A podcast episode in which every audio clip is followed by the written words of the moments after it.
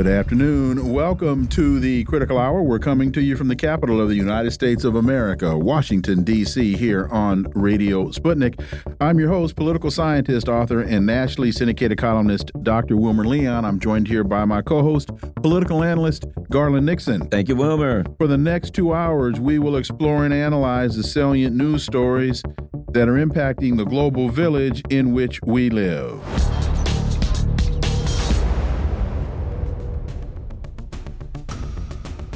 Responsible Statecraft has a piece Congress poised to cede more foreign weapons overnight.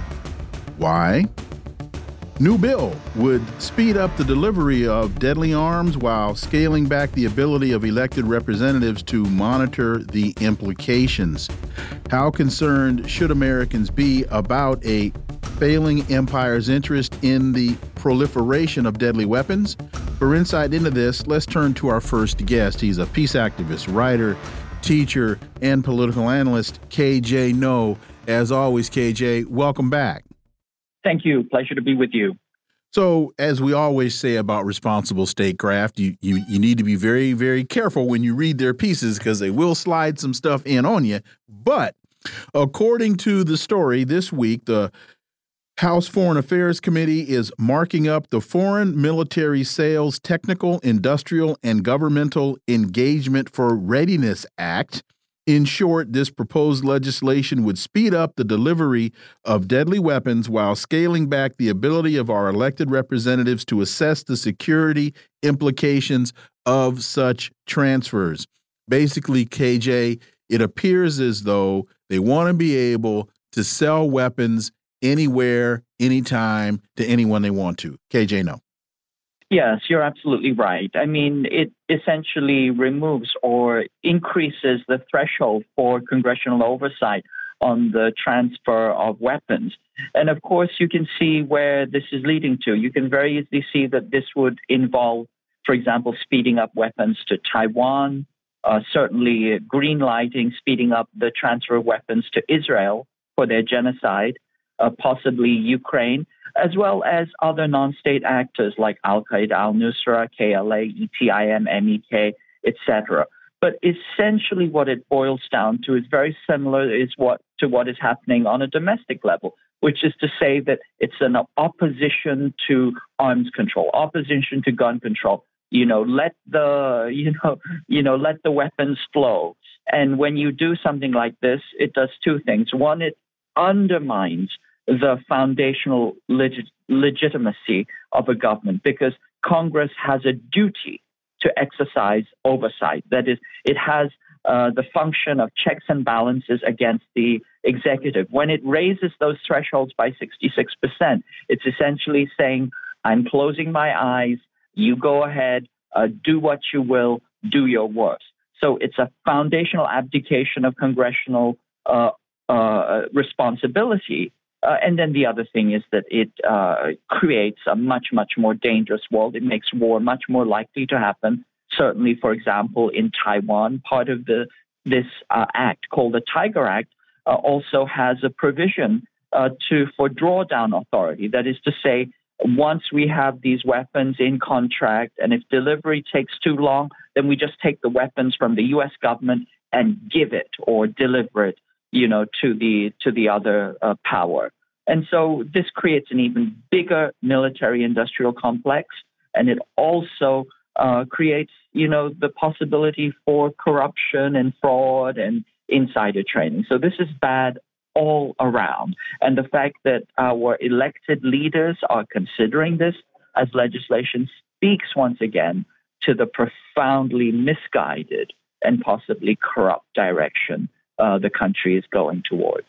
I would also it's a it's a it's a return to that unitary um, executive theory. If you remember Bush and Cheney, it was they kind of rooted that in the second in in in a um, uh, um, uh, um, Article Two of the Constitution, and it is an attempt to um, disempower the people, and because the people can hold every two years, you know, the people can hold Congress uh, responsible, and they can say we like this or we don't like this. What little democracy is left here, but this now allows the executive branch to say, okay, we'll send weapons here, there, wherever, and we'll get to Congress later or not at all. Now, here's the, the, the point I'm going to make.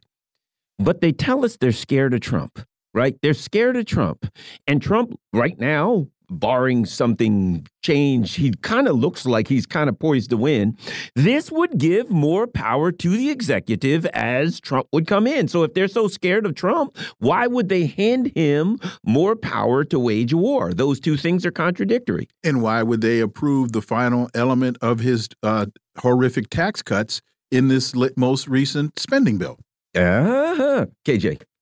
Yes, you're absolutely right, both of you. I mean, the idea is that they want any executive, an unitary executive, unitary executive is fine. You know, this is John Yoo's doctrine, but any executive but Trump. And so, you know, the apparent contradiction there is that they are going to do everything humanly possible to prevent Trump from becoming president. And, you know, in the meantime, you know, if you have a unitary executive, and that unitary executive, you know, exercises all kinds of unconstitutional authorities uh, because Congress has delegated all those powers. Well, then, you know, that's just how it goes. You know, once again, let's look at the record of Congress. Congress is supposed to declare war. It has essentially abdicated that responsibility. No wars have been declared since World War II. It also has the responsibility to raise and support an army and to have controls and checks over that uh, budgeting. And then it also has uh, oversight over the transfer of arms. All of these things look to be seriously undermined, if not just completely uh, washed out. And so, uh, you know, I think that, you know, the fact that we are moving towards a unitary executive, I think, is very, very unmistakable. Uh, will they allow Trump to assume that unitary executive? I seriously mm. doubt it, uh, mm-hmm. but we'll see.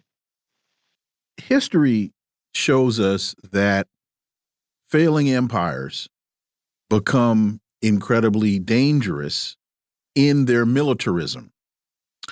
And with this most recent foreign uh, affairs for, uh, House Foreign Affairs Committee attempt uh, to enable itself to just distribute weapons almost without a check and a balance. Do you see that this is another element of a failing empire, or am I connecting a dot that really doesn't deserve to be connected? Um, I think you're right. I mean, you know, just to be precise, it raises the threshold for notification uh, by 66%, which means that, you know, on the upper end regarding certain contracts, uh, half a billion dollars can can be transferred uh, of contracts can be transferred without any notification or oversight. That's extraordinary. But essentially, you know, if we think of kind of like the domestic analogy, it would be like somebody who's drunk at a bar, the bar is closing, the credit cards have been rejected, uh, the person has struck out with everybody, has no friends, and decides that they are going to, you know, pick a fight. They're going to have a fight with somebody, anybody. And this is kind of, you know, the twilight of the empire. This is the situation we're in. And, you know, as we enter this, uh, you know, twilight, you know, to remove restraints on oversight is is a, is an act of madness. You know, it's like uh, you know, it's like removing any oversight over the sale of uh, arms or assault rifles as we have these increased school shootings. Well, what we're looking at is really the empire looking to go on a massive school shooting spree on an international level. And Congress is saying, we don't have to worry about that. We're just going to close our eyes and please go ahead, uh, do what you will. In fact, that school shooting analogy is perfect because what Congress is now looking to do is put the assault weapons in the hands of the school children and allowing them to quote unquote defend themselves. Absolutely, absolutely. And those school children, if we were to name them, would be non state actors that the U.S. has a very, very a close relationship or a long history of collaborating with. Also, would be, uh, you know, uh, a non state like Taiwan. And it would be known uh, genocidaires and, uh, you know, bad actors like Israel and Ukraine. And to just, you know, kind of willy nilly, you know, open the floodgates for these weapons, you know, is a recipe for catastrophe as if there were going to be no blowback on this. The kind of incredibly short sighted ideological blinders on this is really, really breathtaking. Asia Times reports Marcos Duterte feud a reflection of the new Cold War. What's interesting is when you go down a little further, it says both Duterte, the former president of the Philippines, and top Filipino Chinese businessmen have openly warned Marcos Jr., the current president, against adopting, adopting an assertive stance against China, a top bilateral trading partner. Your thoughts on that? Well, I mean, when they say assertive stance against China, they, they're essentially telling don't go to war with China because that's what this Marcos administration is doing. You know, nine bases, probably 10, Subic Bay soon to have pre-positioned stocks. They're doing everything possible to stoke and escalate uh, uh, tensions with China. But as you point out, you know, China is the Philippines' key a trade partner, and you know the businesses need it. Uh, the Philippines is not in a good place. It has a life expectancy which is shorter than North Korea, you know, which, you know, is supposed to be a wrecked state. So what does that make uh, the Philippines? But this Marcos, Bongbong Marcos, comes out of the Marcos dynasty, and they are a long uh, dynasty of quislings and collaborators. The Mariano, the grandfather, Mariano Marcos, was a Japanese collaborator. Ferdinand Marcos was a U.S. collaborator, U.S. Quisling, and Bong Bong is a U.S. Quisling. And so it's simply more of the family trade, the family dynasty that they're continuing. And of course, there are no good ends that can come out of this because if you weaponize yourself against your greatest trading partner and one of your closest neighbors, there's absolutely no good end that can come out of this. But it's suspected that one of the ways in which this Marcos administration has had the some the thumb screws applied to it, because there's been a lot of flip flopping, is that you know they are there's about ten billion dollars worth of misappropriated, corrupt funding that is hidden, squirreled away in banks around the world, and it's speculated, it's postulated that the U.S. has used this as an inducement and also a threat against the current uh, Marcos administration. KJ Noh, as always, thank you so much for your time. Greatly, greatly appreciate that analysis, and we look forward to having you back. Thank you. Always a pleasure. Folks, you're listening to the Critical Hour on Radio Sputnik. I'm Wilmer Leon, joined here by my co host, Garland Nixon. There's more on the other side. Stay tuned.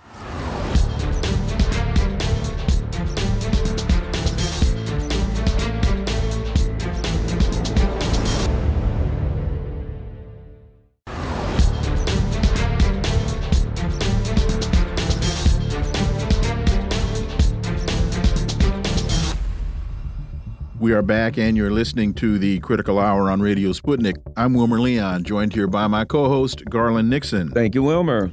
Well, the court, the appellate court, has now determined that former President Trump has no immunity from January 6th prosecution. A federal appeals court has unanimously ruled that Donald Trump can be put on trial for trying to stay in power after losing the 2020 election rejecting his sweeping claim of presidential immunity and moving the case one step closer to a jury. And it's important, I think, in this three judge panel to realize one of the judges uh, was a George H.W. Bush appointee, and the other two were Obama appointees. And this was a uh, unanimous decision. How significant is this? Do we score one for the Constitution?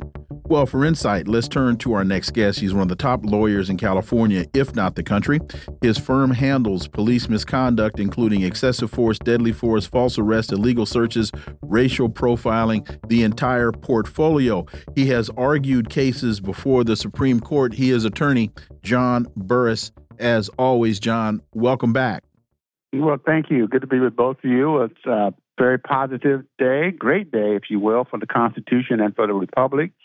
I had no doubt that the decision would come down in the manner in which it did.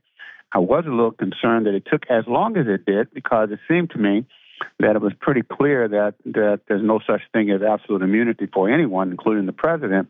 But I understand now, in looking at it, that they wanted to make sure that they wrote an opinion that considered not only the legal argument, but some, some political and empirical type arguments that were being made. For example, they really noted in footnotes that the uh, Mitch McConnell, uh, the senator, had said that there's the president was in fact liable later. Uh, that others have said that that uh, the the impeachment was not a criminal um, indictment of any kind, and that others have said that people have been prosecuted uh, for uh, crimes with federal officials and had not been impeached, even though impeachment was an alternative. So this was a well-reasoned opinion, and I really think laid the groundwork for the U.S. Supreme Court, if they want to take a look at this, to decide not to take this case, and which is entirely possible. I don't think that the Supreme Court will take this case unless they do it for strictly political reasons, because the law is pretty well established, and it was established long before. I mean, U.S. U.S. versus Nixon years ago established this principle that, that the president and no other persons are above the law. So uh, it was a pretty easy decision to make. Uh, the only issue always in a case like this is whether the political consideration, but certainly not at the level that the district court and the and the circuit court politics was not at issue. The question is whether the Supreme Court takes it, and if they take it, it's more going to be more political than not. I tend to think that if they do strict legal interpretation here, they will not take this case, uh, and the case should become law. And if that uh, uh, stands, then of course we will be uh, in, in a situation where criminal prosecution of Donald Trump will take place probably this summer. What was the foundation of the Trumps in that this, there was already an established precedent here that they were pushing back against? What was the foundation of their argument to change to change directions? Well, the argument that he makes most publicly, and, and, and his argument is that you have to have absolute immunity for the president because if you the president doesn't have absolute immunity, then they're subject to being prosecuted uh, uh, basically um, arbitrarily by any succeeding president. And so, therefore, they need to have absolute immunity. The other position um, that was taken that seemed strong is that you couldn't prosecute the president because, in fact, he had had a hearing in front of the Senate, uh, the Senate and the House of Representatives, and so he was impeached, but he was not found guilty. So, therefore, that was a form of double jeopardy to allow him not to be prosecuted again. I will just tell you guys that's a bogus argument. Any elementary first year criminal law student would know that you don't get double jet, jet doesn't attach out of an impeachment proceeding. It only attaches out of a criminal proceedings. And so that was a really a bogus argument that he was making. But but certainly he was trying to basically make this um, the, the, the judges believe that given who he was, that is the president, that you cannot hamstring the president by saying making him think or he or think that they could be prosecuted for crimes that they have committed while they're president. And they would argue that those are not crimes, even though they might be constitutional crimes and they might be criminal uh, criminal law crimes. His view was that they would not be subject to prosecution because he would be immune. And those were like spurious arguments that were made, but they were the, they, they, that was the strongest argument they have. And I'll tell you, those are not strong arguments at all. I think everyone would agree, uh, and certainly I had this position at the very outset that you cannot have this position. And I think the district court judge basically laid the law pretty clear herself. Then that the president is not a king. And, uh, you know, I know that sounds um, uh, argumentative and it's um, hyperbole, but at the point of fact is it's true. So I, I think the, the president, the former president here, really was making spurious arguments, and he was making arguments of the kind that really were designed to delay the process as opposed to real viability. He may have other arguments in other cases, but not in this one. And I'll say this: I saw a similar case in Maryland where a person had it, it was adjudicated in the administrative courts and they ruled the same thing. They said it was one it wasn't a criminal finding, it was an administrative finding, so therefore it wasn't double jeopardy. So yeah, so I mean it was on a state level, but it was basically the same type of argument. And that takes us also another example. I think this will work is the uh, criminal case against O.J. Simpson, where he was found uh, not guilty. Then he wound up being sued right. in uh, uh, civil court. In a civil right. case, because so, that's not double jeopardy. That's not double jeopardy. Because in the jeopardy. in the administrative of course, the, sta the, the, the big difference is in the administrative cases, the standards of evidence are greatly relaxed. Correct. So it's not even the same standards. Right. It's not even the same standard. And we're talking about preponderance of the evidence, where the criminal law station is, is proof beyond a reasonable doubt. It, this was not a, a clear argument to be made, although it did buy him a lot of time and it could ultimately push the time limits back because I think time is at if, of the of the essence here. Mm-hmm. Because theoretically, when you file a petition with the Supreme Court, it's called a writ of certiorari. That takes time, and you know you got 60 days to file that, and then the court takes another 30 days to decide whether they want to take the case, and then they allow the other side to decide whether they want to uh, oppose it. So you could have 90 days here before there's any decision made as to whether the court is going to even take the case. They can shorten that, of course, but you know, the further you get down the line into June, July, August, the least likely is you're going to have a, a criminal trial. Although there's nothing that would preclude uh, prosecution from going forward during the election period from in June, July, August, even up through November. The, the, the, rule that the Justice Department has, a standing rule, is that they will not conduct an investigation that starts after the, the election season starts. But there's no rule, and, and there's no House rule that says you cannot continue with a criminal prosecution that had already started and commenced uh, before you get into the election season. So the, uh, the, the U.S. Attorney has made it very clear. Uh, the uh, DOJ, I guess, uh, um, Mark Maryland, um, the the, uh, the Department of Justice has made it very clear that there will be no stoppage of the criminal case regardless of the period of time in which it can start, and and the and the election period will have no consequences to them. So he could very well be looking at a trial sometime in June, July, August. Now, let me ask you this. Aren't there ways, let's say that June, let's say a lot of times they make those decisions in June. So June, they come out and say, say okay, they can uh, go forward. Aren't there ways that the Trump team could then file for delays, push it off? Aren't there some avenues that they could do to to to, to push it to push it off? Yeah, but that but that then is controlled by the district court judge. And so, yeah, sure, you could say that I'm not prepared. I haven't received all my documents, any number of things. But that's also something that that is controlled strictly by the district court judge who's trying the case. There will be I, that's one of those situations. I say, good luck. Uh, unless the Supreme Court makes a decision sometime in late August, and therefore they have not had time to prepare for trial, then it would be unlikely that they could make this kind of argument to continue the trial. But if a decision is made, like in April, and the case can start in June, well, you know, um, she will not continue the case as long as she says they have 70 days to prepare for trial, and they've already had several months. So they're really within the last 30 days additional time because that they're going to get because that's the period of time when the case was stayed during the time that it was before the appellate court. That period of time when the case was stayed, they get that time back for preparation. So if that was 30 days, 40 days, whatever that period of time that is, they get to extend that period of time uh, in terms of delay the case to start. But yeah, if the Supreme Court doesn't take the case, then we'll have this case starting sometime in June. The ruling comes days before the Supreme Court considers another untested question raised by Trump's candidacy whether the former president is an insurrectionist barred by the Constitution from returning to the White House because of uh, his actions around January 6th. And that uh, coincides with a, a piece from the Washington Post. Some want Justice Thomas to skip Trump's ballot case he doesn't plan to.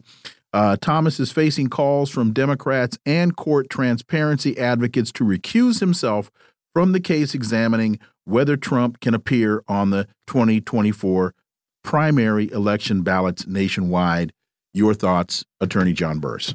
So this is an interesting question whether he would recuse himself because we all know that his wife Jenny has been actively involved in this whole effort to uh, to forestall or set aside the election. However, I don't know that I see a, a, a issue here for disqualification or recusal because if the issue is clearly one of procedural, and that is interpreting the Constitution of the 14th Amendment procedurally as whether or not it applies to the president, former president, or not, uh, and does not go into the factual questions of, of insurrectionists and how that's happened and who was involved, and it's really a strictly legal interpretation of the Constitution, I don't think that requires his recusal as a matter of good public common sense. It's only when he's going to make a decision around whether he was an insurrectionist or not, and, and evidence comes in that his wife may very well have participated in that process or had encouraged that process or had conversations with him, then I think it's a, it's a closer question and he should recuse himself. But I don't think right now, the way the case is focused up around the question of uh, procedurally, does the law apply to the president or not, uh, whether he was an officer or not, and uh, whether or not the conduct itself can be considered to be obstructionist as defined by the Colorado Supreme Court. I don't think that's something that um, requires recusal. Now, generally, I think the, the, recusals I think I've seen generally were like when a a, a, a, a judge, just a member of the Supreme Court, formally was involved in maybe their law firm worked on this case or they made a ruling when they were a lower court judge or something isn't that usually the types of things that the recusals come from yeah, absolutely and not only that well, if your law clerk was there you know and the law clerk is about to appear before you i think judge thomas recused himself because his former law clerk, Eastman, uh, was appearing before the court. Uh, that's pretty common. Uh, I, I, read somewhere they said maybe 3% of the cases they'll have a recusal motion involved where an officer, and a judge will step aside. For example, uh, Jackson Brown, she recused herself in the Harvard discrimination case because she, in fact, was on the board of directors of Harvard. So um, there, there, are cases that that does that doesn't happen uh, and does occur. And you know, uh, we've had cases like that in um, uh, in, in district court level where I am. Uh, that's not an uncommon situation, but in the Supreme Court it's different because in district court they're just another judge. You know. Uh, we could say we don't like that judge, and we can go to another judge, particularly on the um, on certain levels. The Supreme Court is not as easy because you don't have replacements. You have nine justices, so if a justice recuses himself, you're down to eight then you're more likely to get a four to four decision, uh, which then makes it more um, it, um, does leave the does not decide the question and leave the law in an un, unstated, unclear, undefined area. So uh, this is not a case where I think he necessarily should uh, um, recuse himself at this stage, uh, but there may come a time later if the decision is made about being an insurrectionist.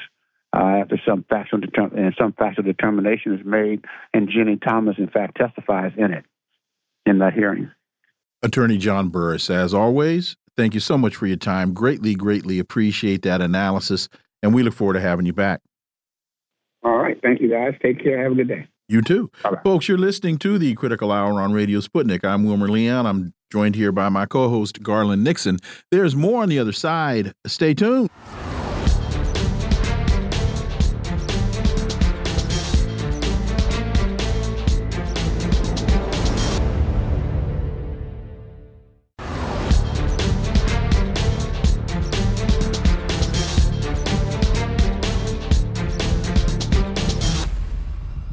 We are back, and you're listening to the Critical Hour on Radio Sputnik. I'm Wilmer Leon, joined here by my co host, Garland Nixon. Thank you, Wilmer. Mattis secretly advised Arab monarch on Yemen war, according to records. U.S. officials approved the retired Marine general's work for the UAE, then fought to conceal it from the public. The Washington Post sued for the documents and won the case. For insight into this, Let's turn to our next guest. He's the host of the Left is Dead podcast, James Carey. As always, James, welcome back. Always good to be here. So I'm going to read this. Uh, this is a bit of a of a lengthy intro, but it sets it sets the circumstance.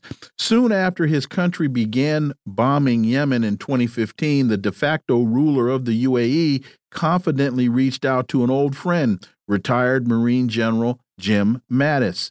Uh, Sheikh Mohammed bin Zayed Al Nahyan, who also served as the deputy supreme commander for the Emirati military, needed help. The UAE was part of a coalition of Arab countries that had intervened in Yemen's civil war to fight Iran backed Houthi rebels. In keeping with federal law, Mattis applied in June of 2015 for permission from the Marines and the State Department to advise Mohammed and the UAE on the operational, tactical, informational, and ethical aspects of the war in Yemen. And uh, his request was highly unusual. A legendary four star Marine asking to work for a foreign head of state as a personal consultant about an ongoing war. Uh, Jim Carey, what is James Carey? What does this say to you um, uh, about the conflict in Yemen and about the military industrial? I mean, there are so many angles on this, James Carey. Well, I think yeah. Start with the military industrial complex angle, right? I mean, um, I think this is something, and obviously, it's not just military; it's intelligence, it's uh, you know Food and Drug Administration. There's the revolving door, and clearly, uh, high seats in the military are being sort of looked at as high positions in a cabinet. They are as a, a sort of asset. Um, it's not surprising that countries that spend billions of dollars on our military equipment also want uh, some of those people who are experienced in using it to come over. And so I'm, I'm not shocked, especially by the UAE, which has so much money to spend. I mean, the UAE has built, you know, uh, mercenary spy networks and essentially their own NSA with former U.S. intelligence agents. Uh, the former counterterrorism czar under George W. Bush uh, helped with that project. So I, I think you're seeing the sort of same revolving door you see in all aspects of government, but now it's more uh, it's under more scrutiny now than it was before. Obviously, there's I think this has been going on a long time. I, I think everybody knows it's been going on a long time, but I think you're seeing more scrutiny and you're seeing that people are trading off high positions in the military the same way they would be, say, you know, um, minister of your, you know, Department of Transportation or something. If you were head of something like that, there's people trading government funding and training for, you know, and this experience for money, much more money after they leave government. You know, the other thing that's interesting about this particular article, James, is that when you look into it, you see repeated allegations of the government working to hide it, the, you know, what was going on, how much he was making, whether he was getting paid, on and on. And I view that as that's how they get paid. You know what I mean? It's like, man, we got a good thing going here. And we're all getting paid. This is how we get, you know, we go around the world, particularly in the Middle East where there's all that money with their royal families. We we we're eating off of this, man. We can't we can't expose what's going on. That's the way the, the that it comes across to me that a system that works to get their pockets full, they got to protect that system. James. Yeah, Absolutely, and I, I, think that Mattis is a prime example of that, right? I mean, his other jobs listed in that article are uh, he's on the board at General Dynamics, uh, obviously a large weapons manufacturer, one of the top military contractors. He's getting paid six figures to do that. He was put up, funnily enough, he was put on the board at Theranos before that all went under. So clearly, the man's willing to take money for something that's not a necessarily viable project. But I think in the UAE, he showed that there was a viable project, and this is a way to make money. And not only that, I think his influence can be kind of felt there because after, you know, this point in, in 2015, when he joins the UAE to help out, this is when the UAE stages their own sort of semi coup against the Saudis in Yemen. This is a time when the UAE steps in in Libya. There's a lot going on. So I think that, you know, the advice is being seen. And I think that there, there's probably more American advice going into the UAE than they're willing to take credit for. And trying to hide that they're being paid for it just makes me think all the more that they're being paid for it. And what does this say about our so called mainstream journalism when a James Mattis appears on your television as an advisor or a consultant or a contributor to MSNBC, to CNN, giving you his quote unquote analysis of the situation? What this says to me as a board member of General Dynamics, uh, as an advisor to the UAE, that he's repeating narrative. He's not giving you analysis. Right. He has an interest in things going a certain way, and he has an interest in the security, you know, the United States security state, the United States empire, and now, obviously, more importantly, the United States clients. He he has an interest in seeing that that system's maintained. So anytime you see a Mattis or a Pompeo or somebody like this on TV, you know, even McGurk or somebody, once they're gone, they'll be doing the same thing.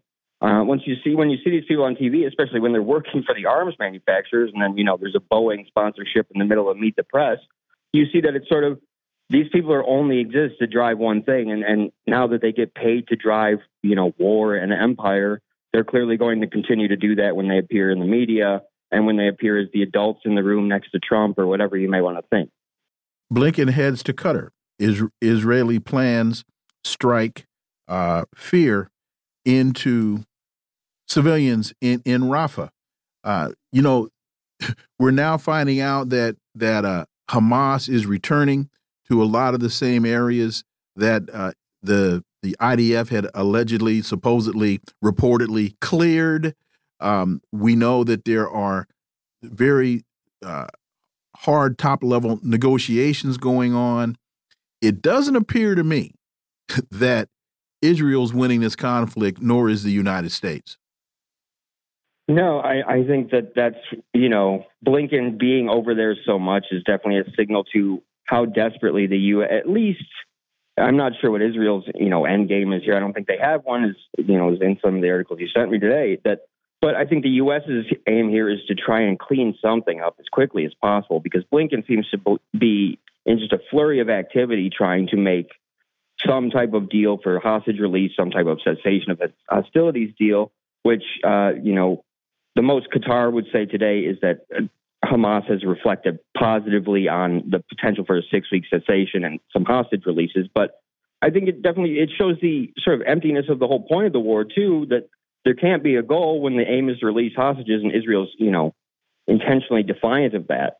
So I, I think that we're sure, you know, Blinken could be around doing what he wants to do, but unless the Israelis actually change their strategy and have some type of feasible goal in Gaza, I, I don't see how this is going to make things any better. And I think that each cessation of hostilities is going to be harder and harder to achieve. Yeah, and apparently Al Mayadeen English is reporting that Hamas has delivered its response, and it includes uh, clauses that ensure a, a, ceasefire. So Hamas apparently is saying they want a, you know, basically an end to hostilities. Um, and and and if you look at it, okay, let's say they signed, they they had a temporary ceasefire. And, uh, you know, as soon as that was over, Israel, you know, commenced to, you know, the violence that it was doing and everything, um, you know, continued as, as it was. And so I guess Hamas is looking at that or whoever's evaluating it, uh, saying they want a full time ceasefire, which is kind of what I'd expect. What's interesting is we're hearing Hamas and Israel. The United States is providing the money and providing the weapons. Tony Blinken should be there saying, oh, by the way, I've got the final, you know, say here because I'm the back, I'm the financial and military backer. But this pretense that even though the United States provides everything to Israel, that the United States has no input, but the rest of the world's just not buying it. James. Yeah, and that's what I think the Blinken trips are too. Is it's an opportunity to sort of be like, oh well, we're putting this on the Arab leaders to negotiate this. But you're right. I mean, at the end of the day, the United States hold the purse strings for the Israeli military and now like parts of its education and healthcare system and these aid packages, much like Ukraine, you know.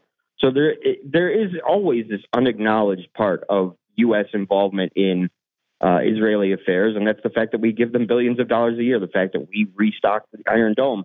I think these things go unsaid because, as we just talked about with Mattis, the people in the media have an interest in not discussing these things. I mean, this is a huge military partner for the U.S., obviously much more crucial than Ukraine, the way the sort of bipartisan rally around this goes.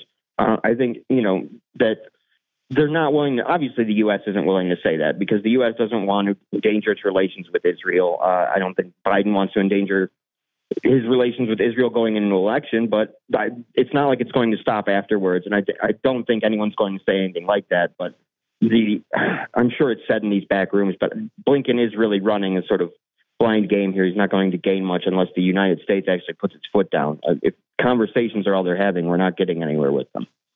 So right now they say that the framework includes a six-week cessation of hostilities. Hamas is saying we want a ceasefire. The reports are Hamas is uh, reinserting itself into a lot of the territory that the IDF claimed that it had conquered. So when you turn around to domestic Israeli politics and you ask Netanyahu, so what'd you accomplish? What'd you do? You wound up getting a whole bunch of folks shot up.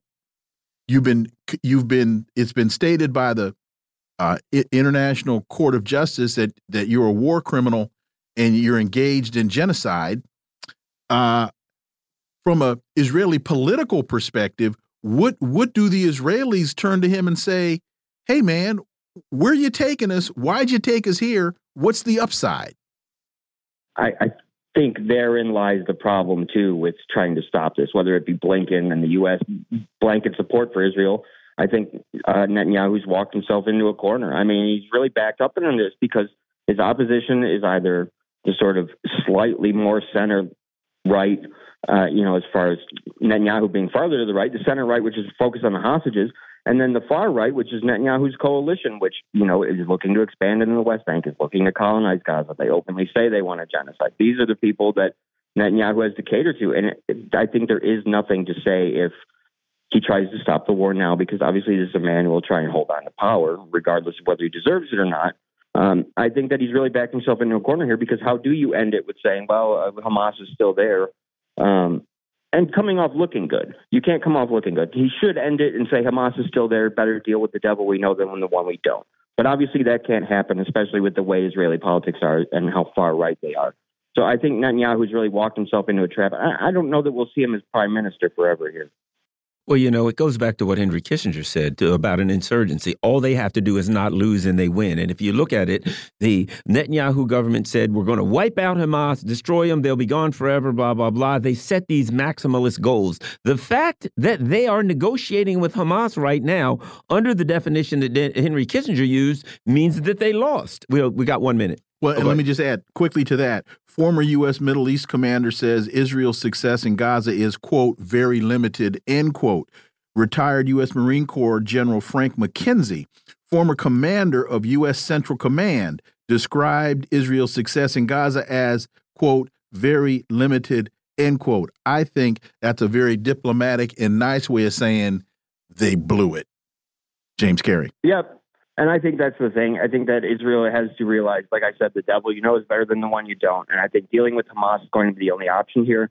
But I don't see, again, I don't see Netanyahu willing to do so. But I think the thing is that the war is pretty much lost. And the insurgency has held its place. And the fighting, the age of the median Gaza resident only adds to more potential, you know, Hamas fighters or PIJ fighters. So Israel has nothing to look forward to but more insurgents if they don't do something now. Uh, and, and one more quick question because this just popped into my head.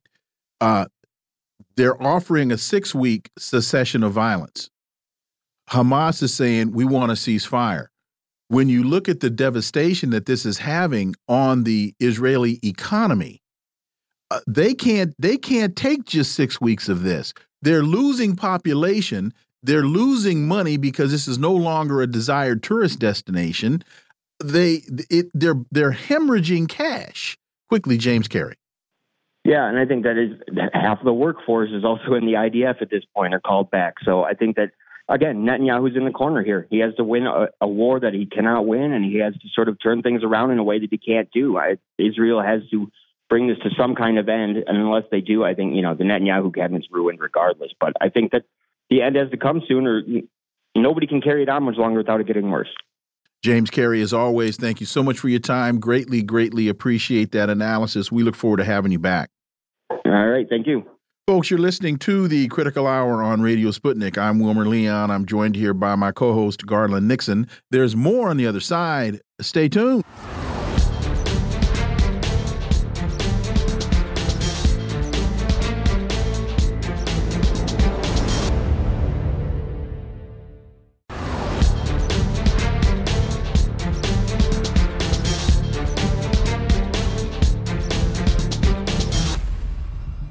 We are back, and you're listening to the Critical Hour on Radio Sputnik. I'm Wilmer Leon, joined here by my co host, Garland Nixon. Thank you, Wilmer. Naked Capitalism has a piece by Yves Smith entitled CBO and CMS Continue to Overstate Healthcare Cost Increases, Creating Unjustified Pressure to Cut Benefits.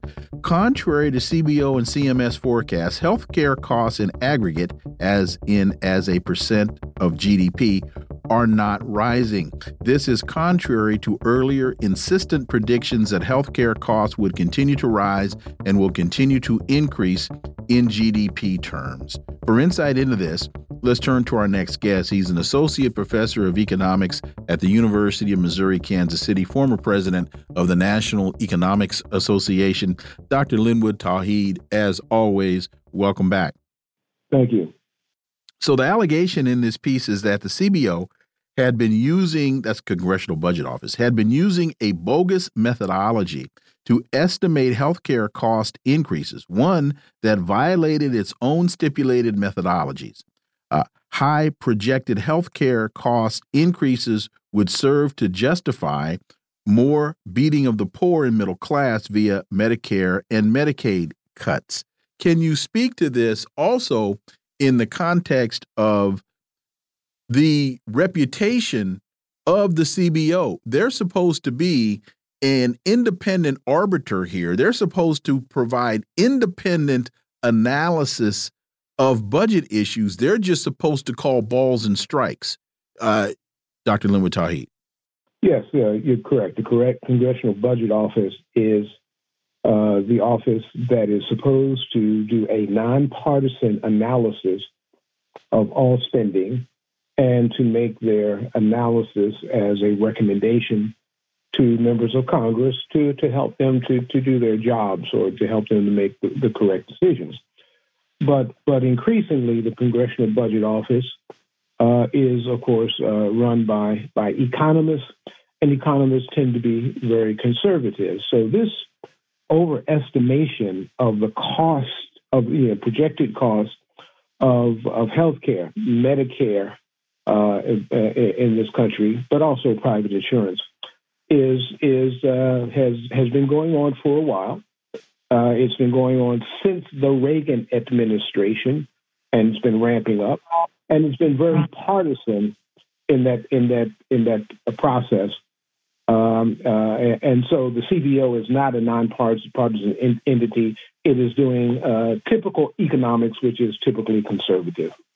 And so it looks to me, it is some of the articles that you that we've this the three of us have discussed that a case is being built for um, attacking uh, Social Security, attacking Medicare, et cetera, attacking that they you know these types of things, and looking just a little bit to the future as the Democrats look kind of ragged going into the elections. That the other side of the neoliberal coin if they are to, let's say the, the, Republicans get enough power, then they can do their version of neoliberalism, which is severe austerity. And it sounds to me like this this is kind of setting the table for the austerity moves that would cut into and do privatization with Medicare and Social Security.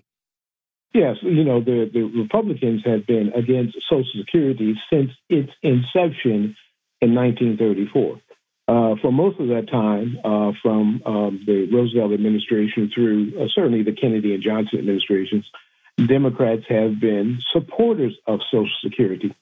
But, but that's changed. So when we start to have the attacks on Social Security from the Reagan administration, it's not like it's just been Republican administrations. It has been, but not just Republican administrations that have wanted to cut and eventually uh, privatize Social Security. It's been the Clinton administration, the Obama administration, and and Joe Biden hasn't yet entered that fight uh, as president, but as senator for all of his 40 years in in, in the Senate, he was uh, a an opponent, a, a supporter of cutting Social Security. He was right there with the Republicans.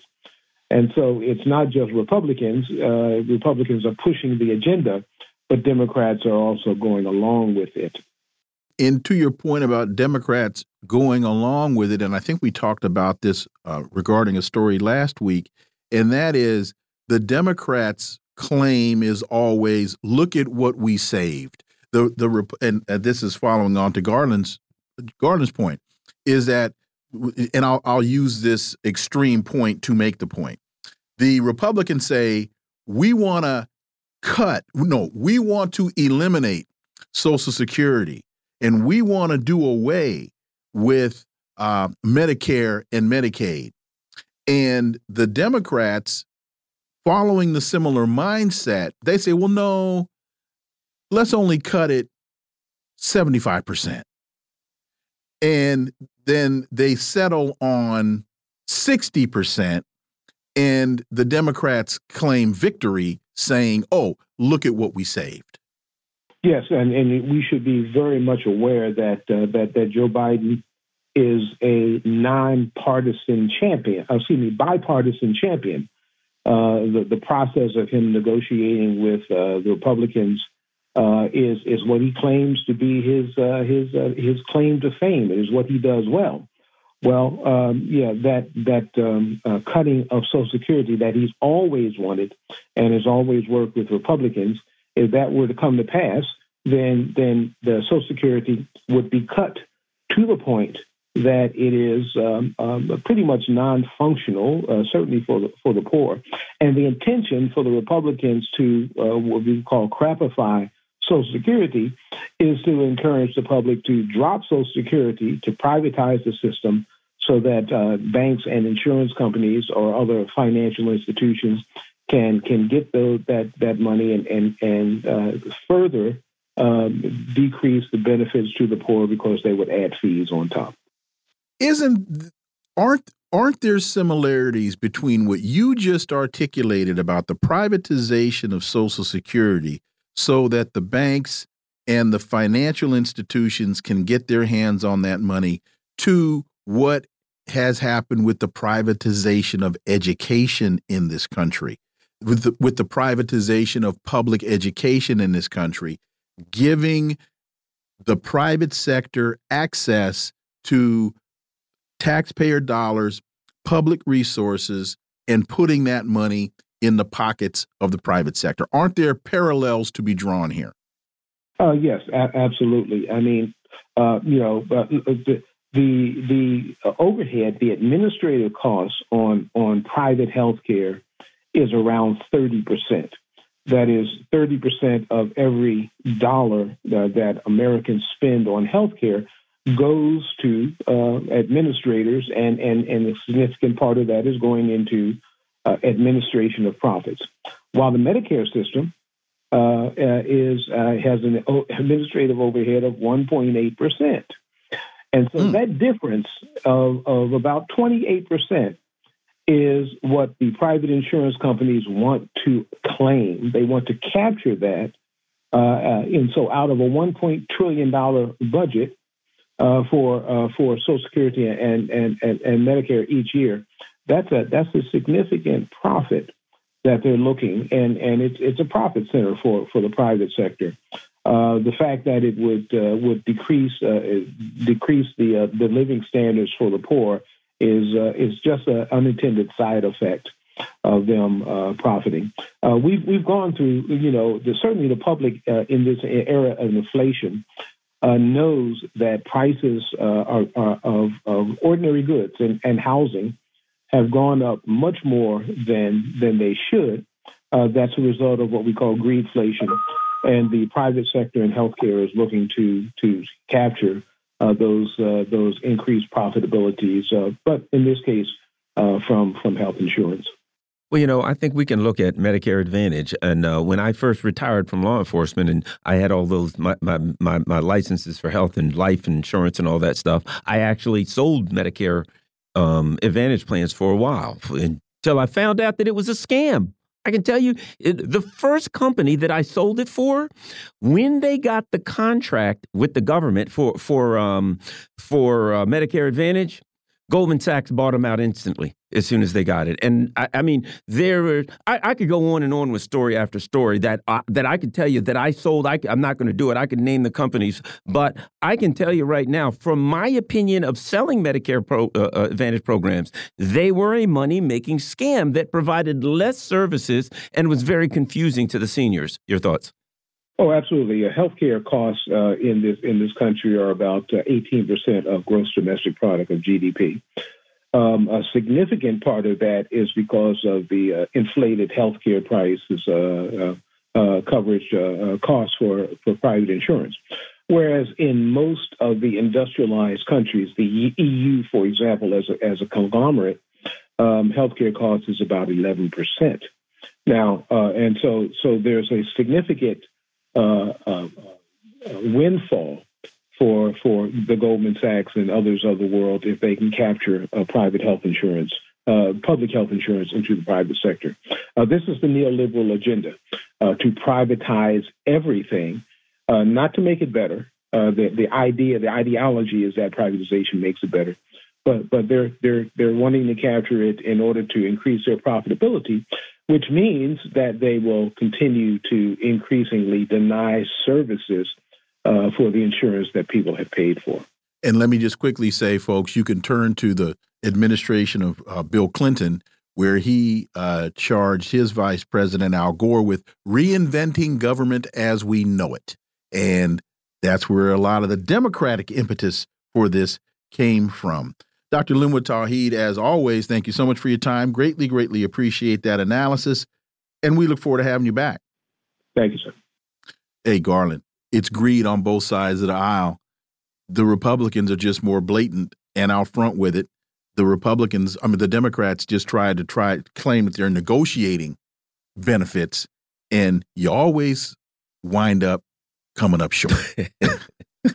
hustling backwards. Exactly. Folks, you are listening to the Critical Hour on Radio Sputnik. I'm Wilmer Leon. I'm joined here by my co host, Garland Nixon. There's another hour on the other side. Stay tuned.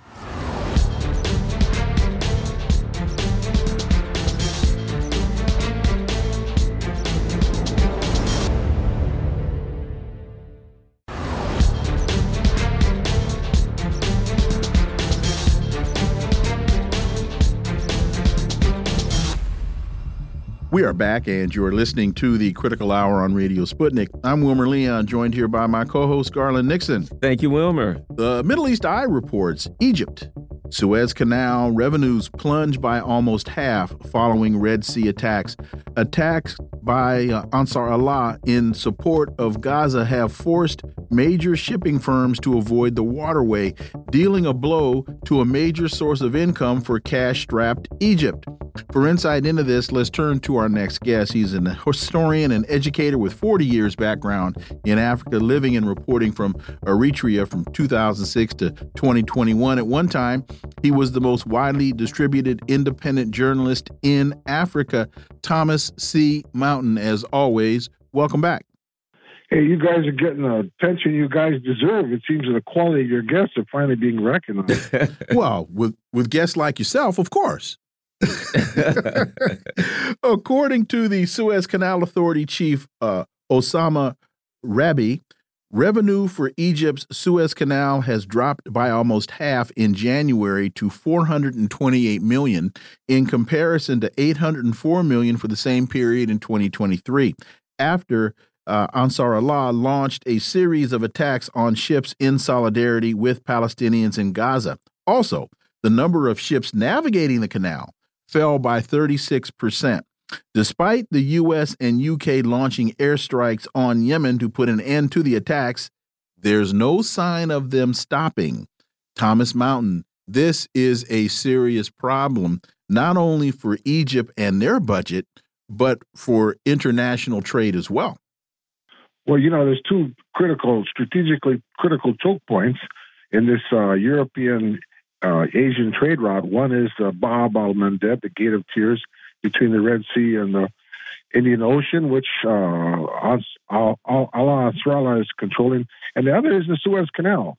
Now, Egypt itself is is the poster child for the dangers of falling into the debt trap uh, set up by the banksters at the IMF and the World Bank. I mean, Egypt has just been staggering from year to year to you know from one emergency bailout by the IMF to the other. I mean, the the, Islamic attacks on their tourism infrastructure is what made a major dent in their uh, foreign policy reserves, which they've never fully recovered from. And then the COVID uh, shut down, pretty much hammered them as well. And now they're one of their major earners, which is the the income from the Suez Canal, is taking a beating. I mean, a four hundred million dollar hit. I mean, you know, they're, they've been, they got a three billion dollar loan from the IMF, which the IMF is refusing to uh, dish out because Egypt is not selling off their government owned properties, which basically are controlled by the Egyptian military. I mean, you know, Egyptian generals are not living off of their $1,500 a month salaries. They, they've all got these state owned businesses they run, and they're, those are what's keeping their lifestyles. And if Egypt has to sell those, how are they going to maintain the loyalty of the military? So, uh, you know, Egypt is in a between a rock and a hard place. It's and uh, you know, I've been saying this for a while, but it seems to be the screws are tightened, and this and the blockade of the of the Red Sea by the the Houthis has got uh, got them on their back foot. You know, let me ask you this, since you're familiar with that part of the that that that region of the world, it's obvious to see now why the U.S. imperialism was battling so much in the Horn of the Africa, uh, the Horn of Africa, with the importance of the Red Sea, the geostrategic um, lo lo location there. I suspect that after this conflict goes, there'll be it will get even more critical in that area, and you'll see the major powers trying to come get a foothold in. You'll see increased support for Yemen, et cetera. Now that the importance of that, with you know, with the advent of these updated missiles, um, is coming to the forefront. Your thoughts, Thomas? Well, you know, uh, when Saudi Arabia went into Yemen in 2015, after the Houthis, in conjunction with the former President Saleh, tried to do an armed takeover of the country, you know, Saudi Arabia, they well, they fully well know that that in the 1960s, Egypt tried to go into Yemen, and Egypt spent what seven, eight years, almost a decade there, and lost over 30,000 troops in in uh, Yemen in the early 60s, early mid 60s. So Saudi Arabia, they remember that and that they they weren't that really eager to go into into Yemen. But you know, the United States pressured them because the U.S. knows that control of the Bab al Mandeb is strategically critical to U.S. imperialism. And you know, this is why I've been saying for years. I mean, one of the reasons why Eritrea has always been in the middle of the crosshairs of U.S. imperialism is because Eritrea sits there on the Bab al Mandeb, you know, in the Red Sea in this critical shipping lane. So, you know. Uh, the Houthis themselves have been pretty much symbolically attacking shipping. I mean, they fire one missile. I mean, if you want to seriously damage a ship and get through the U.S. Uh, defenses, you got to fire six or eight at one time, and then a few will get through. You fire one missile, it's pretty easy to concentrate their fire and shoot it down. So this has been more of a almost a symbolic attacks rather than really serious military attacks. So, of course, I think they've exaggerated the extent to which the Houthis have actually have a major missile force. I think they're in, the, in it for the long game. I mean, there's been a military blockade of the Houthis for a long time, and uh, so I, I, don't, you know, they, they most of these missiles are homegrown. I think maybe they got some of the technology shipped in by the from Iran, but most of it's uh, developed on their own. So, uh, you know, I think they're in it for the long game, and they're pressuring the the U.S. very effectively. I mean, they've got the Germans are sending a, a frigate. You know, the uh, Netherlands is sending. I mean, every Norway. I mean, how long can these ships be on on on post? I mean, how long can the U.S. keep these ships on post? They can't sit there forever. They've got to rotate them out. Uh, you know, they they're going to be breaking down under the stress they're not used to. So, I mean, you know, they have to reload missiles. I mean, this is a, the Houthis play the long game, and they're going to start seeing major cracks in the in the, the appearance of might of the U.S. and Western militaries. Well, and also they're not indiscriminately attacking ships that are or randomly attacking ships that are traversing that waterway. They they are specifically targeting. They know what they're shooting at. They know why they're shooting at it, and I think that and and and then there's also an element here in this story that says that um, that uh, despite the U.S. and U.K. launching airstrikes, there's no sign of them stopping. And even Joe Biden admitted, uh, you know, well, is this going to make any difference? He said no, but the United States is still doing so. This this is a much much bigger mess, and I think it it it highlights the reality that the United States really doesn't know what to do and let alone how to do it. Yeah, the, incompetence of U.S. foreign policy so-called experts has been on display now for some time. I mean, you know, they're they're, uh, and this is the latest. I mean, it's like uh, to fight, try to fight a war with the Houthis who've just been through a seven-year war with the Saudis, which is armed by the U.S., and now they're going to come in and bomb the Houthis, which you know the Houthis have developed all their defenses underground throughout the Saudi bombardment, so they're, they're not going to be very effective against them. And the Houthis don't really have to do much damage. All they have to do is occasionally hit a ship or get close to a ship to scare the hell out of the insurance companies, to force them to go around the Horn of the, the uh, Cape Good Hope in southern Africa, which is again a very dangerous route. There are no uh, facilities. If any ships break down, they can repair them out there. So if one of these big tankers breaks down out in the middle of the Indian Ocean or off the southern Atlantic, what are they going to do in the roaring 40s with 100 foot high waves? They just, you know, it's like, but that's where they're stuck right now. The Houthis can play the long game. So you know, I, I see, you know, Egypt has been like the, the policeman on the beat there at the Suez Canal. And, you know, the Americans fund the Egyptian military to the tune of $1.5 billion a year. That's basically the salaries of the, of the Egyptian military.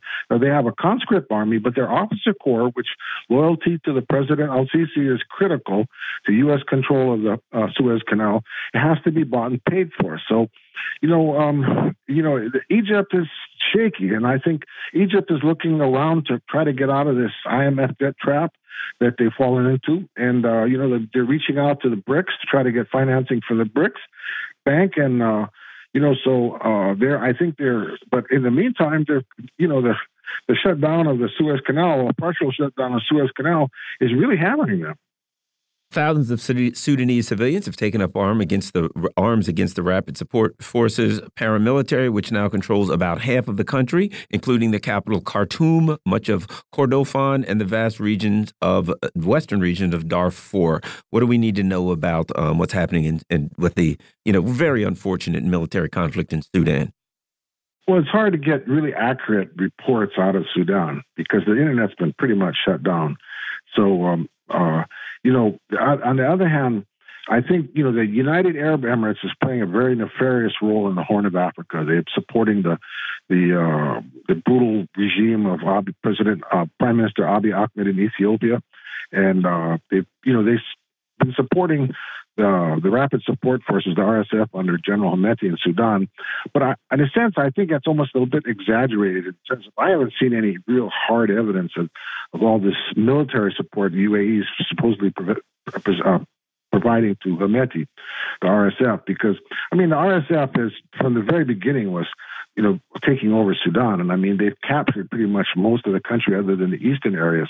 But, you know, as a result, there's a, a major humanitarian crisis developing because the, you know Sudan was already having to import a lot of food there, and um, now you know with this war, the major food import to the country comes through Port Sudan, which is controlled by uh, the enemy of Hemeti, which is General Burhan, former head of really the de facto head of Sudan, and they're not allowing his not allowing the food aid to go through any areas that the RSF Hemeti people control. So I mean, most of the countries under Hemeti, and what limited food aid is reaching Sudan is not getting to them. So they've got this huge humanitarian crisis, and it's starting to panic the EU because they're worried about millions of Sudanese, you know, going up to the border with uh, Tunisia or especially with Libya, and desperately trying to get across the Mediterranean to escape famine in their country war and famine, and the European Union starting to panic. And it's like, oh my God, Sudan's a pretty big country. I mean, it's like 35, 40 million people there. And if half that country is starving, there could have millions of people trying to swamp, you know, another big refugee wave hitting uh, Europe. So the European Union is starting to stick their nose into Sudanese business. Like I say, the UAE's had a nefarious role in all this. And, you know, the war is continuing to rage, even though Hemeti's forces have been winning. There's, I think, the capital of Darfur is about the only place left outside of Port Sudan that there's any real contest anymore. And uh, even there, you know, it's like the the you know they're they're surrounded and they're cut off, and Hemeti's people are making it life hard for the for the Burhan's forces to control it. Now, all this talk about thousands of people joining the uh, forces against Hemeti on behalf of uh, Burhan's army, uh, Sudanese army, is, you know, I don't know, that's kind of a, a shaky one because, you know, uh, Burhan's army has pretty much been taken, retaken by the former loyal, loyalists to the former regime, the gangster regime of Omar al Bashir, which was overthrown in 2019 by, amongst others, Burhan and Hemeti. So the loyalists have kind of gotten back in control of the army. They've been pretty brutal. I mean, they're continuing to bomb civilians and hospitals and other places, and uh, so you know, it's it's uh, the war is not going well for the Sudanese people. It's not going well for Burhan's army, but uh, there are, uh, you know, I don't know what's going on, but there's a huge humanitarian crisis developing.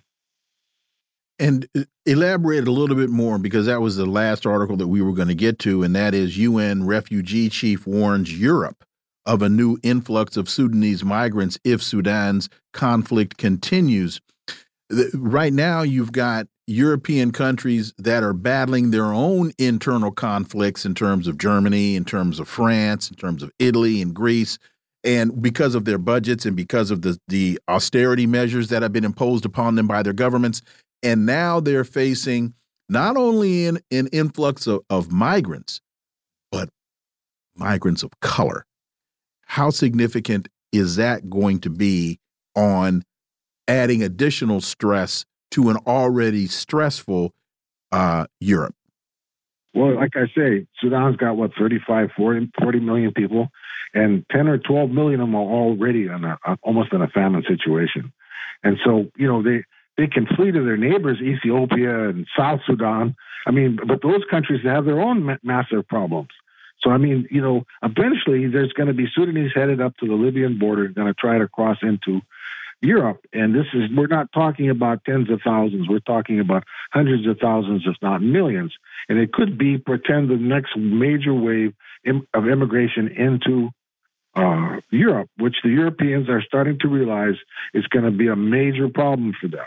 And I think they're panicking and they're talking about, oh, we've got to do something about Sudan and maybe we've got to send some more aid and feed these people. And but you know, the reality is they put their eggs in the Burhan basket, and now they're going to have to deal with Hemeti more and more, who has been, you know, traveling around Africa and Asia and West Asia and meeting with heads of state, like he's going to be the new head of state in Sudan. So I think there's, uh, you know, it's like a, the Horn of Africa is like the Horn of Hunger and the Horn of War and Famine. I mean, there's one island in the midst of all this of peace and prosperity, and that's Eritrea, who the president has now been almost two weeks in in uh, Italy, getting ready to start spending some of the income he's got from his new new mines opening up.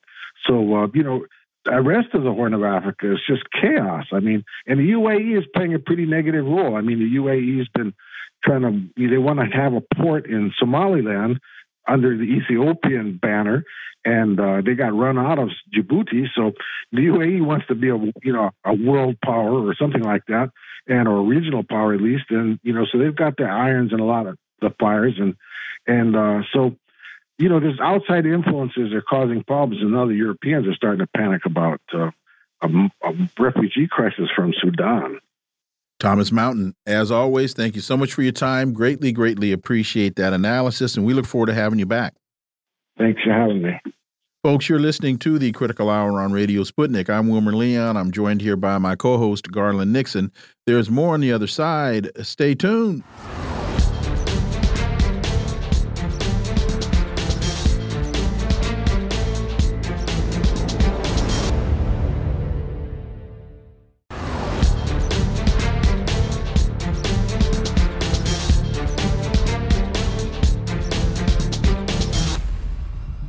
We are back, and you're listening to the Critical Hour on Radio Sputnik. I'm Wilmer Leon, and Garland Nixon will join me shortly.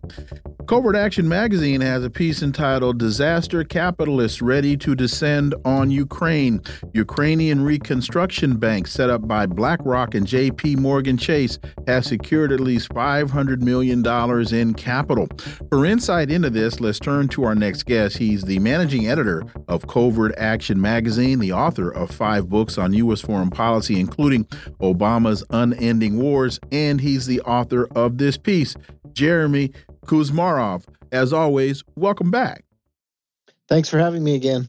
So, you write the key purpose underlying the Ukraine war was made clear at the annual meeting of the World Economic Forum in Davos in January when Philippe Hildebrand, vice chairman of BlackRock, the world's largest asset manager, announced the start of a much touted Ukrainian reconstruction bank in five to six months. The reconstruction bank is being put together by BlackRock and JP Morgan for the Ukrainian government.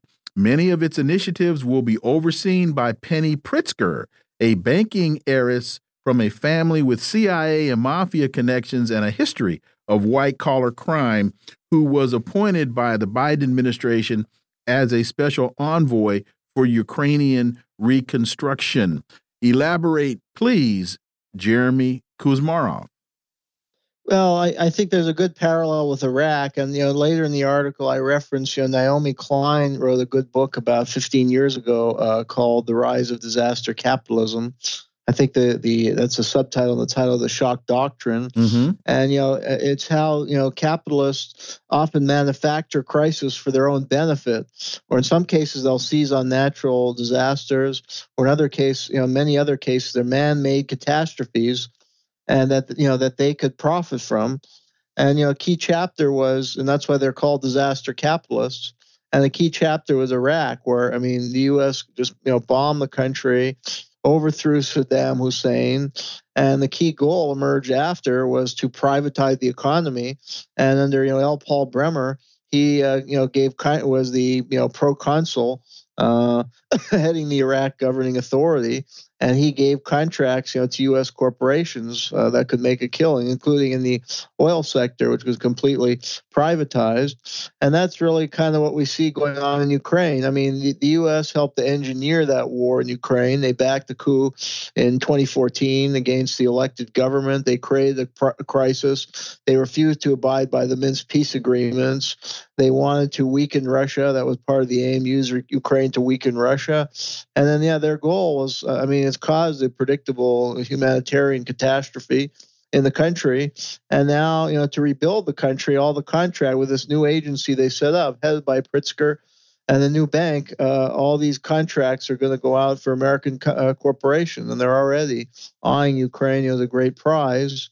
And Zelensky is just allowing this process. I mean, he's spending a lot of his time going to chambers of commerce and you know saying Ukraine is open for for business. And he's passed a lot of regressive, you know, labor laws, and he's sold off, you know, Ukrainian land. American corporations are starting to take over Ukrainian land, like Monsanto and DuPont Corporation. So it's turning into Iraq. It's the same strategy and the same capitalist, disaster capitalists who are profiting off the war and misery uh, of the Ukrainian population in this case.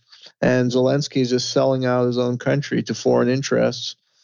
You know, I'm gonna uh, uh, uh real quick. I'm gonna give you a, a, name, two words: Amos Hochstein. Here's here's here's what I mean. Amos Hochstein currently is the U.S. mediator mediator in Israel. But prior to that, Amos Hochstein worked for the uh, Obama administration um, as like a assistant State Department in charge of energy energy resources.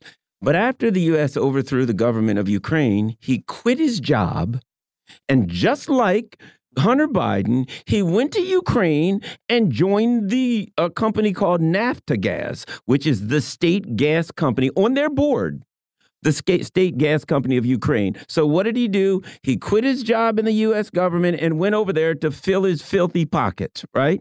Here's my point. They're making money going in and going and coming. When they overthrew the government of Ukraine, they go in there, they're joining boards of directors, they're doing all of this stuff, filling their pockets. They they get Ukraine blown to smithereens, and then after it's blown to smithereens, they come back in and they fill their filthy pockets again. Well, that's the World War II model. We blow up Europe and then we can we get paid to rebuild yeah, it. That's right. And they sold all of the gear to blow it up with, so they win three times. Your thoughts? Well, yeah, and compared to World War II, and I mean, I think Naomi Klein in her book does compare the Marshall Plan in Iraq, and, and the difference was that in Iraq it was just so brazen uh, that it completely alienated the, the entire population, and you know led to continued resistance.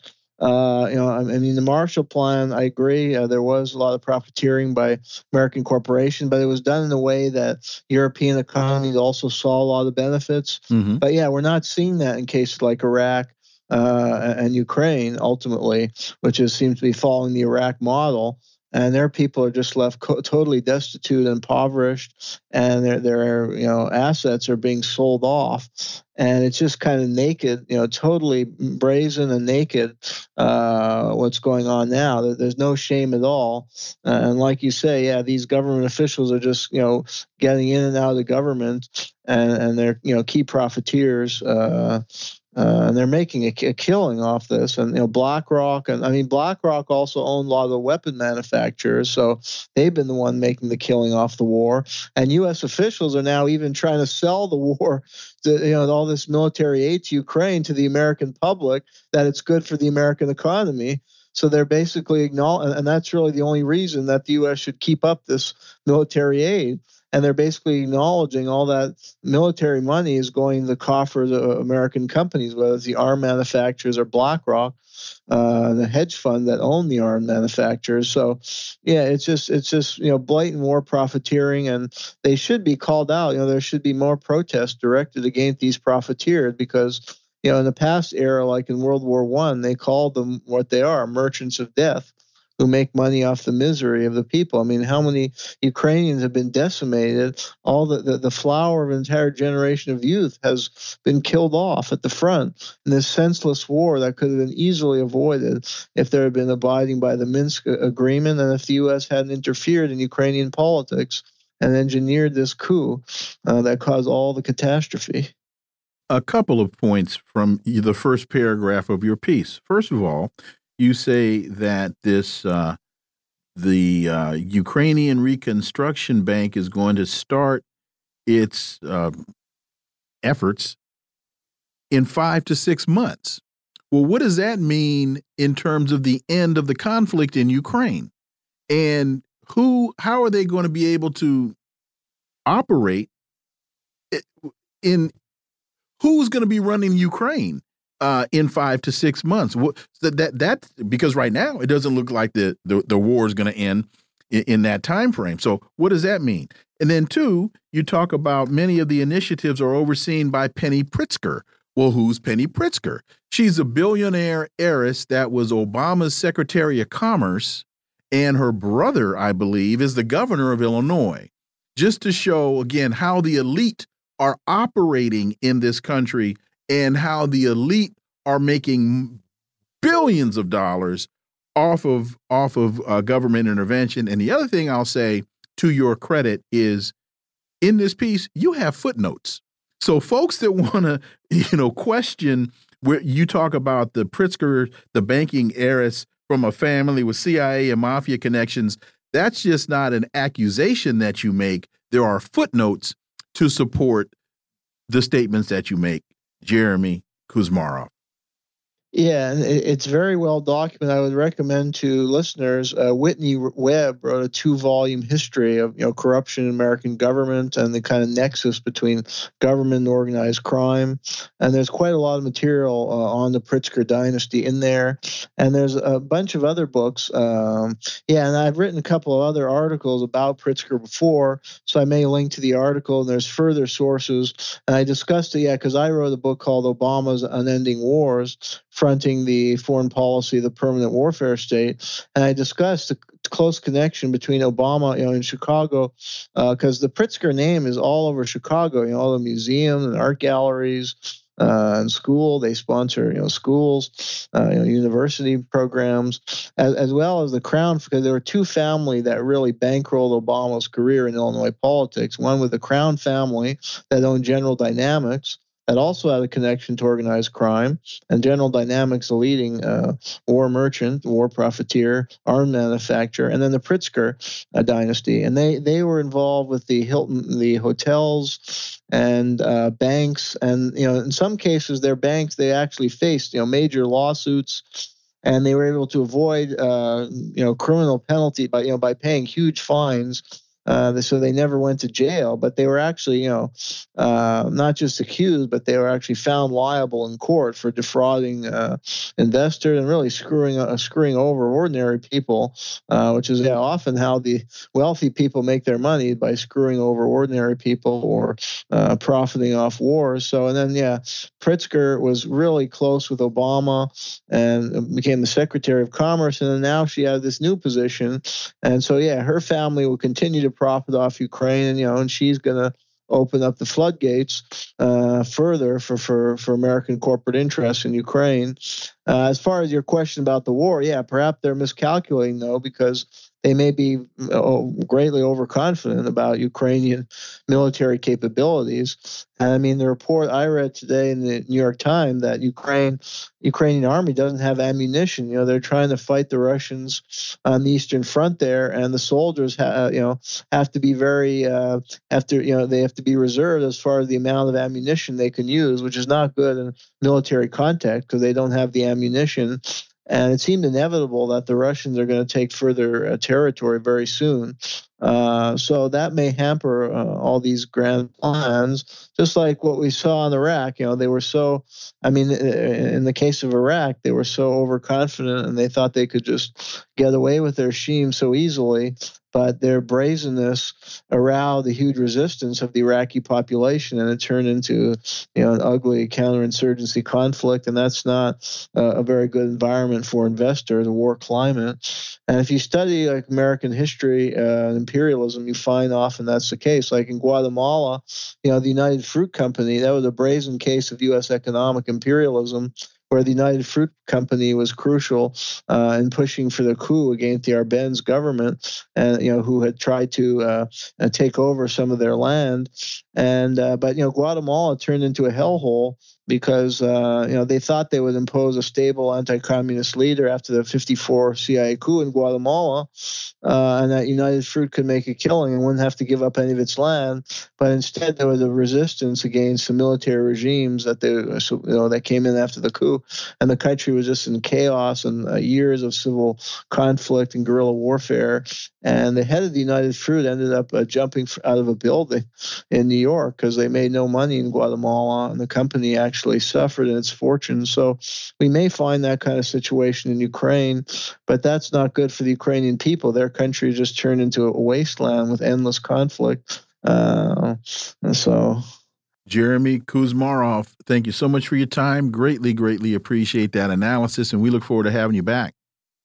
My pleasure. Anytime. Hey, Garland, you know, with uh, they're with their running out of ammunition in Ukraine, somebody might want to go and open up a slingshot concession on the front, and they could probably sell a lot of slingshots to the Ukrainian army. Uh, folks, you're listening to the Critical Hour here on Radio Sputnik. I'm Wilmer Leon. I'm joined here by my co host, Garland Nixon. There's more on the other side. Stay tuned.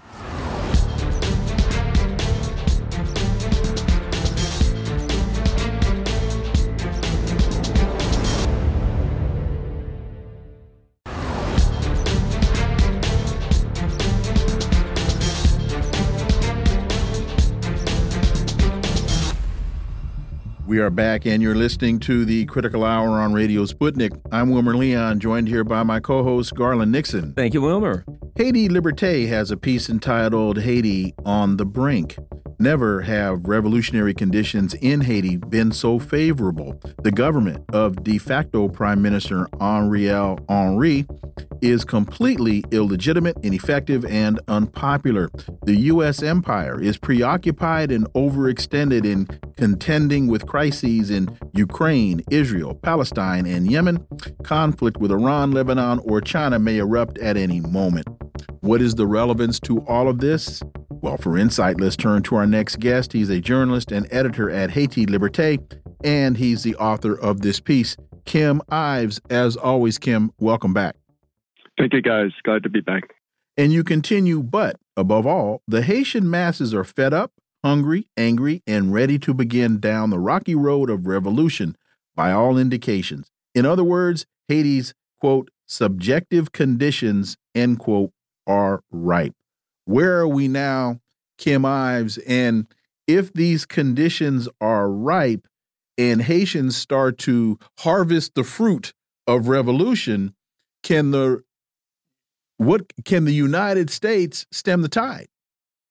Well, that's the $64,000 question. And right now it's totally preoccupied, of course, with other fires burning across its empire, with another one bursting into flames almost every day. But Haiti is doing that today as well.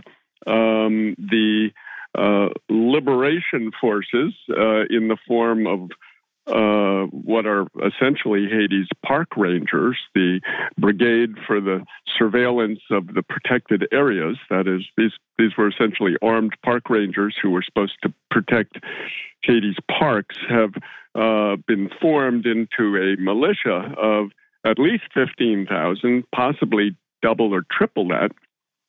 Which have uh, marched on Port-au-Prince and began arriving yesterday and today.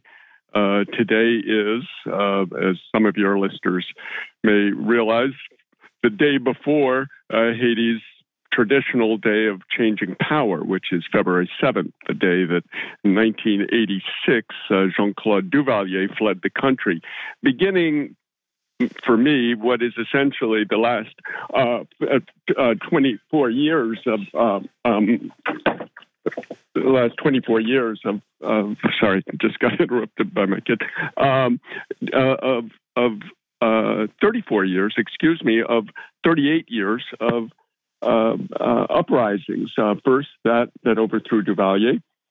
Then the one that uh, emerged, bringing Jean Jean Bertrand Aristide into power in 1990, again in 2000. Uh, then, in more recent years, you've had really an uprising calling for a revolution in uh, the form of the Jimmy Cherizier movement, uh, the G9, which we've talked about on this program. And now this one is led by a guy called Guy Philippe, who, in fact, uh, had been part of the uh, movement to um, oust Aristide back in 2001 to 2004. But really, he was coming from almost a sort of an ultra left position where he felt that Aristide had betrayed his original uh, uh, vows uh, in his first iteration in the 1990s. And um, but you know, in any case, it was a terribly wrong thing to do. He's semi apologized on radios and in a couple of speeches he's been making around the country. But right now, he's kind of the catalyst of this uh, movement. And um, so we're watching now as these uh, uh, forces reach Port-au-Prince. Uh, he is in Pétionville as of this morning, uh, and they. The big question is: Are they going to end up doing battle with the police, with the uh, uh, police, which are um, essentially the last line of defense for Ariel Henry, or is Ariel Henry at the last minute going to do a switch-o change-o and put in a woman called uh, Mirlande Manigat, who is the head of uh, essentially the council that is behind his government, and thereby, thereby try to cut the legs out of this movement. Let me ask you this: the you know, and you've been speaking about lately, writing about the other things that are going on out, uh, you know, outside of Haiti, the ICJ, uh, the French being kicked out of uh, the Sahel, um, and and you know these other uh, movements now that are pushing back against imperialism. Do you think the that that the Haitians are looking at that as inspiration, looking at that as a you know a, a sign that there's change in the world or opportunity? How do you think these out the outside uh, things outside of Haiti are affecting the attitudes of the Haitians towards fighting for their freedom. Totally. This is totally part of it. Uh, Guy Philippe often compares himself to Thomas Sankara or Hugo Chavez, as well as uh, the leaders uh, in the uh, uh, Mali and Niger and Burkina Faso. So, uh, yeah, he's, I mean, he's a former soldier who turned into a police chief, a policeman. So, you know, he sees himself as sort of that liberating military kind of guy. Uh, and I think Haitians in general are uh, very attuned to the to the uh, tune going on in the empire now, which is uh, one of the really a funeral dirge, and we can see that. Um, for instance, the legal defeat that the U.S. got in the uh, ICJ uh, just last month uh, added to their, um, uh, I'll say, conviction that uh, this is the moment that you can really rise up. And of course, this is when nationalist movements have begun to prevail historically, is when imperialist powers are uh, preoccupied with either fights among themselves, like the Second World War. You know, we saw the emergence of the Arbenzas in Guatemala, or Vargas in Brazil, or Perón in Argentina. Uh, so, uh, and in Haiti, you had Dumarsais Estimé, who was some kind of semi nationalist. So, uh, this is a moment, I think, when we'll begin to see uh, the emergence of these uh, national liberation struggles, essentially, uh, which uh, will. Uh, it's certainly not over. Even if they manage to drive out Henry and take power, then you know the full force of the empire's toolkit will come to bear on them. But it, it does look like they're about to take another step forward. There is another piece in Haiti Liberté, deep concern in Washington. Uh, uh, Berthony Dupont writes about the gangs and how they were programmed and how they the plan was to use the gangs as a unstabilizing force, but it seems as though Ariel Henry is losing control, the, basically, of the Frankenstein monster that has been created. Uh, your thoughts? Yes, um, that's just it. They were they were using the gangs in two sense. One, they had deals with the gangs. Uh, they were essentially um, uh, in cahoots with some of the biggest gangs uh, who have explained their relationship with the government in, in radio interviews. But two, it became kind of the excuse for to have the Kenyans uh, deployed from Africa into Haiti to uh, supposedly put down the gangs, uh, which you know is absurd on its face house some troops. But you know these are uh, famously, infamously uh, brutal and corrupt, and um, uh, it wouldn't be enough anyway to, to deal with it, some 200 gangs. No, what um, Guy Philippe has said is that you know we need to, and others, uh, we need to organize ourselves. Why aren't they investing the 200 million dollars that they're uh, offering to pay the Kenyans to come across the uh, planet to come to Haiti? Why don't they invest that in the Haitian police or in uh, you know forces in Haiti? No, they want to bring in this other force and essentially duplicate the two previous uh, interventions and occupations that they carried out, uh, one in uh, 1994 and one in 2004. And uh, they're just um, using the Kenyans as as you've said, the the, the first uh, minstrel show uh, at the beginning, which will then pave the way for U.S. troops to come in under the Global Fragility Act under a 10 year deal if they can get an elected government in power. It's looking uh, re very remote possibility at this moment. Really quickly, you mentioned using the Kenyans to come in, and now the Kenyan Supreme Court has come in and said that they can't do that. Where is the United States with that? Have they because the the United States uh, uh, has signed an agreement with Kenya, a, a, military support agreement, and I always saw that as being part of the down payment on the U.S. using Kenya uh, for its uh, machinations in, in other countries as well. What is that? Has that is that scheme dead, or uh, any no. any insights there? No, this is essentially what we're experiencing right now is a race between the empire with the Kenyans working to get the Kenyans over here. What Ruto did, the first thing he said once the High Court, it wasn't actually the Supreme Court, it was the High Court which uh, can be appealed to an appeals court or the Supreme Court. But the High Court said, uh, no, you can't send uh, uh policemen because the Constitution doesn't allow it. Under uh, a bilateral bilateral arrangement, you could, the court said. And now that's what after saying he was going to appeal the ruling, Ruto, William Ruto, the president of Kenya, said that no, now what I'm going to do is we're going to fast track a deal, uh, uh, an agreement between Haiti and Kenya, which will allow the troops to be sent immediately, quote unquote. That's his word. So they're trying to get them out the door uh, this week, even. Uh, but, um, you know, it looks like they may be uh, you know, a dollar short and a day late. Kim Ives, as always, thank you so much for your time. Greatly, greatly appreciate that analysis, and we look forward to having you back. Thanks, guys. Folks, you're listening to the Critical Hour on Radio Sputnik. I'm Wilmer Leon. I'm joined here by my co host, Garland Nixon. There's more on the other side. Stay tuned.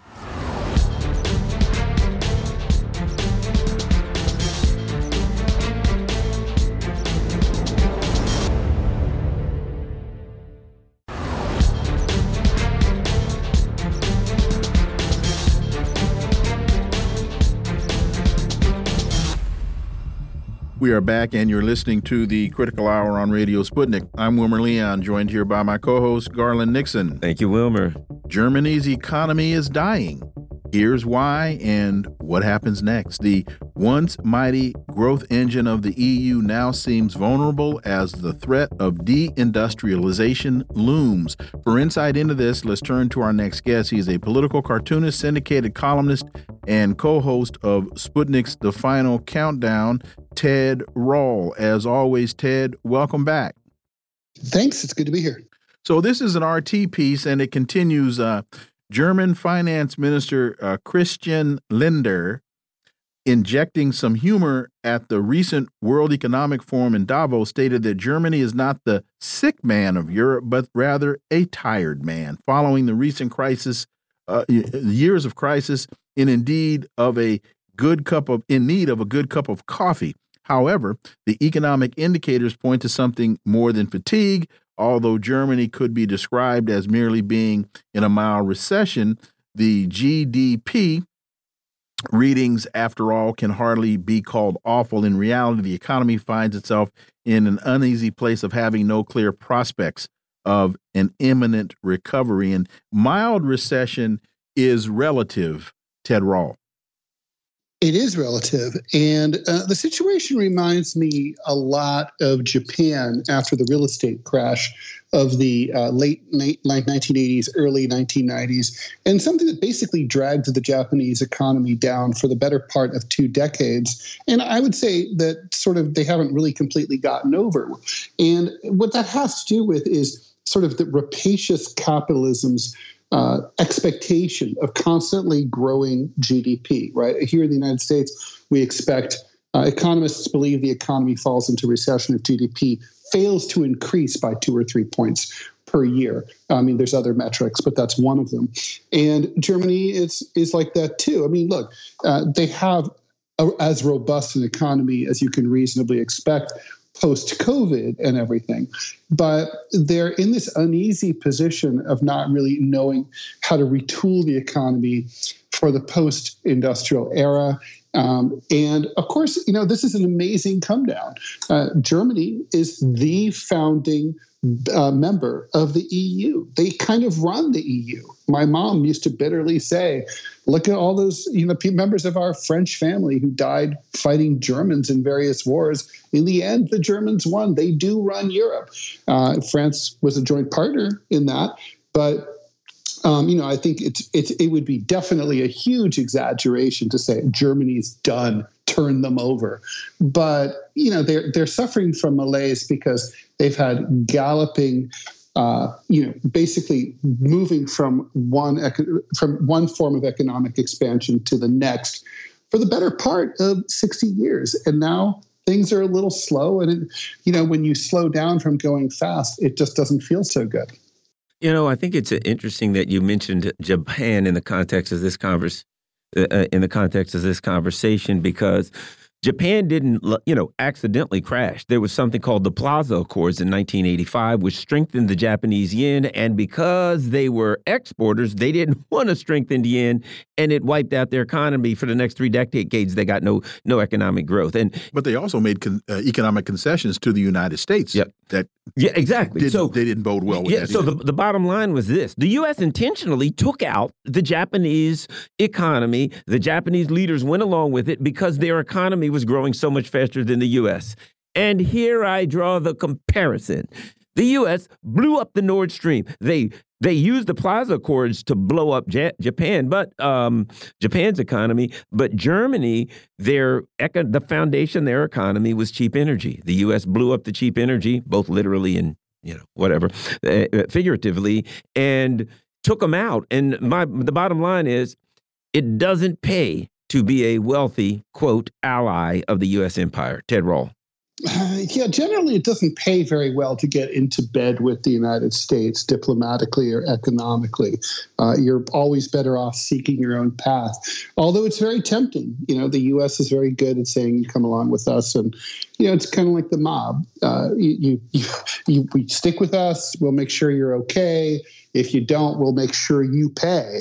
Uh, and so a lot of countries do go along with it. But, um, you know, I mean, look, the whole purpose of the EU project was to not have to become or remain, I should say more accurately, a vassal of the United States in the post war, and I mean by that, I mean post World War II uh, way, right? I mean, this is something the French have chafed under, uh, you know, most notably under Charles de Gaulle.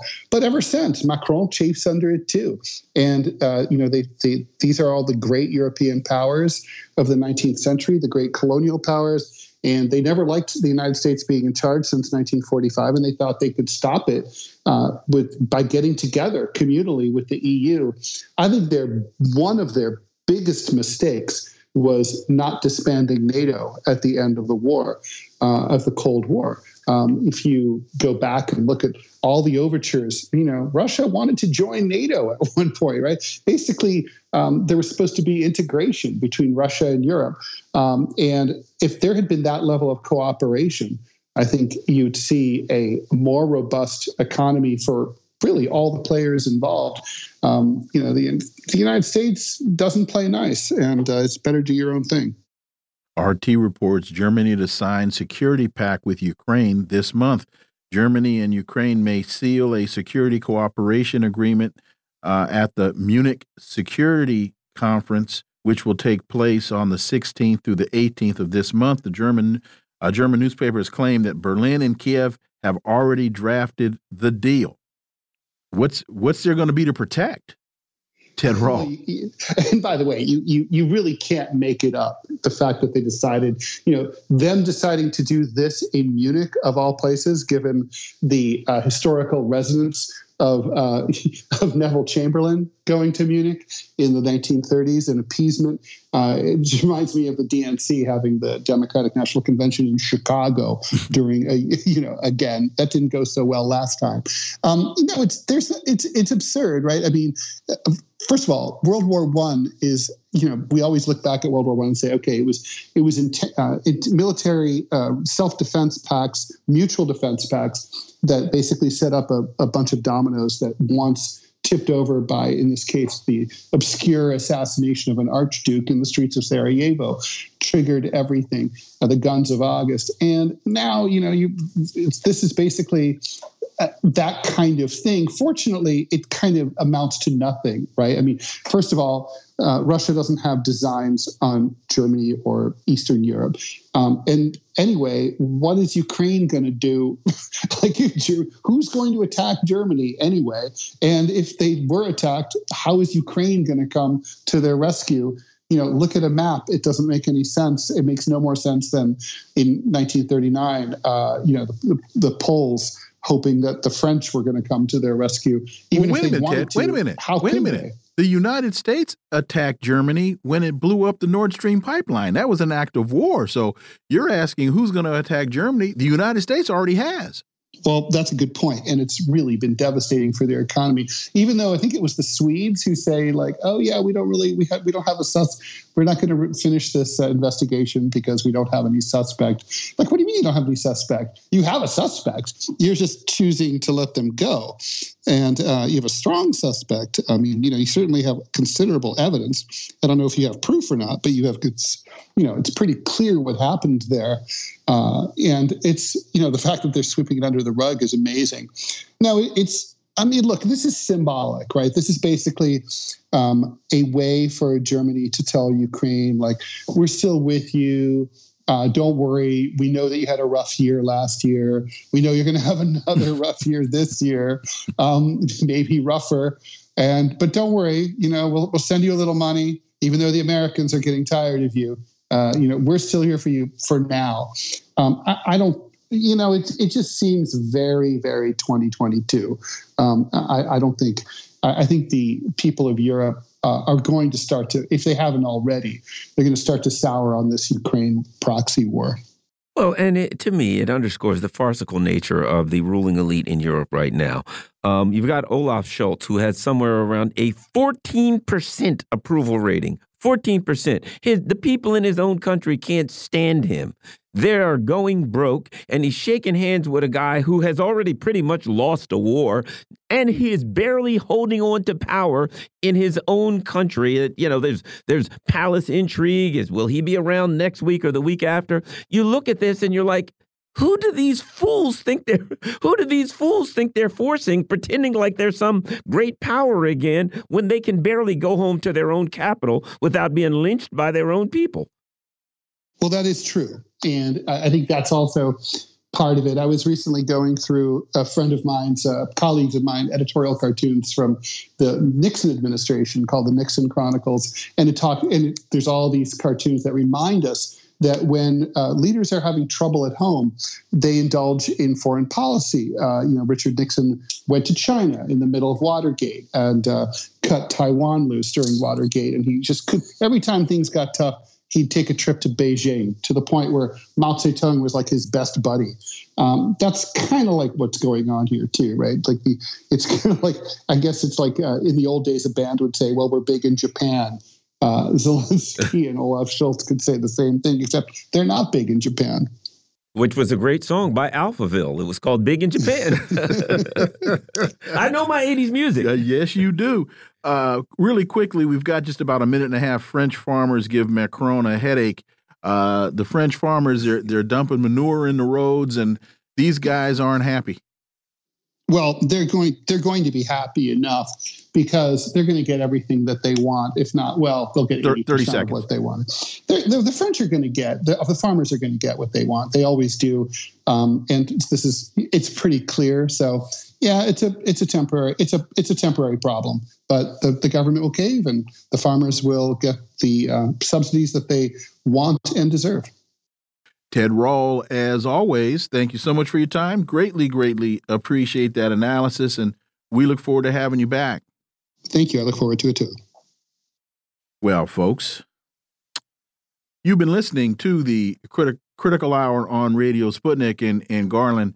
I, I don't I don't know that that France is going to be that easy to solve um, with the with the ire, the level of ire that we're seeing and what's happening in other countries around it, I think these things could very well start to feed on themselves. I agree. And the depth of the deindustrialization going on, because the foundation of Europe's industrial power is cheap Russian energy. And that is cut. And there ain't no way back from that one. No, especially when your only alternative is incredibly more expensive American energy and uh, in America is the one that caused your problem, that's not going to sit too well with folks.